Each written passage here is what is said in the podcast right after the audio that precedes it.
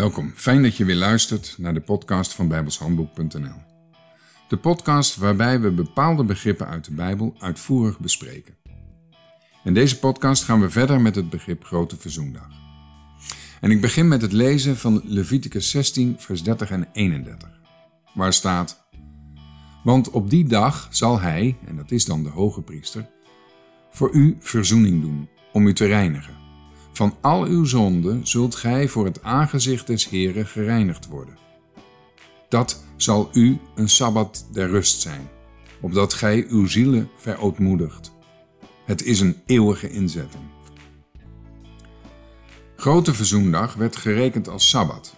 Het viel niet altijd op een sabbat, want het werd op een vaste datum gevierd. Net zoals bij ons de kerstdagen altijd op 25 en 26 december vallen. Rustdag dus. Er mocht niet gewerkt worden. Zelfs de priesters moesten stoppen met hun dienst. Exodus 20, vers 8, 9 en 10. Gedenkt den Sabbatdag dat gij dien heiligt. Zes dagen zult gij arbeiden en al uw werk doen, maar de zevende dag is de Sabbat des Heren uw Gods. Dan zult gij geen werk doen. Het is in ieder geval grote verzoendag zolang de hoge priester in het heilige der heiligen is. Hij mag daar immers alleen maar op die dag naar binnen. Christus is nu in het heilige der heiligen en dus is het nu ook nog steeds grote verzoendag en dus Sabbat.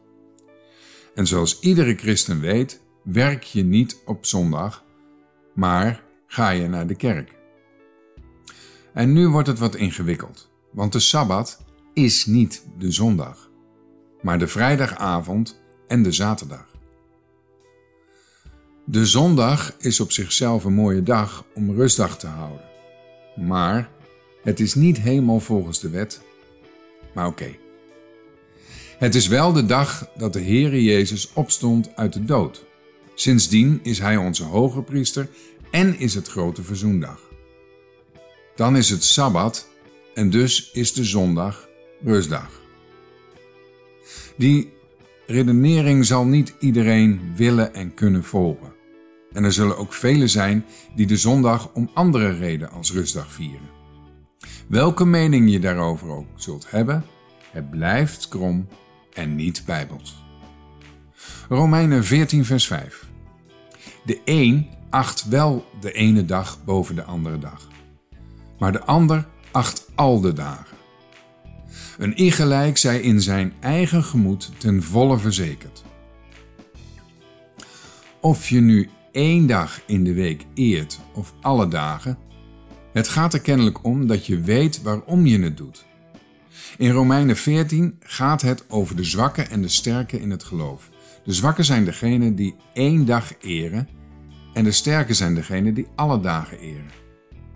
En dat is niet om bij jezelf na te gaan of je zwak of sterk bent in het geloof, zodat je daar bijvoorbeeld over kunt opscheppen. Nee, maar als je snapt dat het nu grote verzoendag is en je gelooft het ook, dan geloof je en weet je ook wat de Heer Jezus Christus nu doet in onze dagen.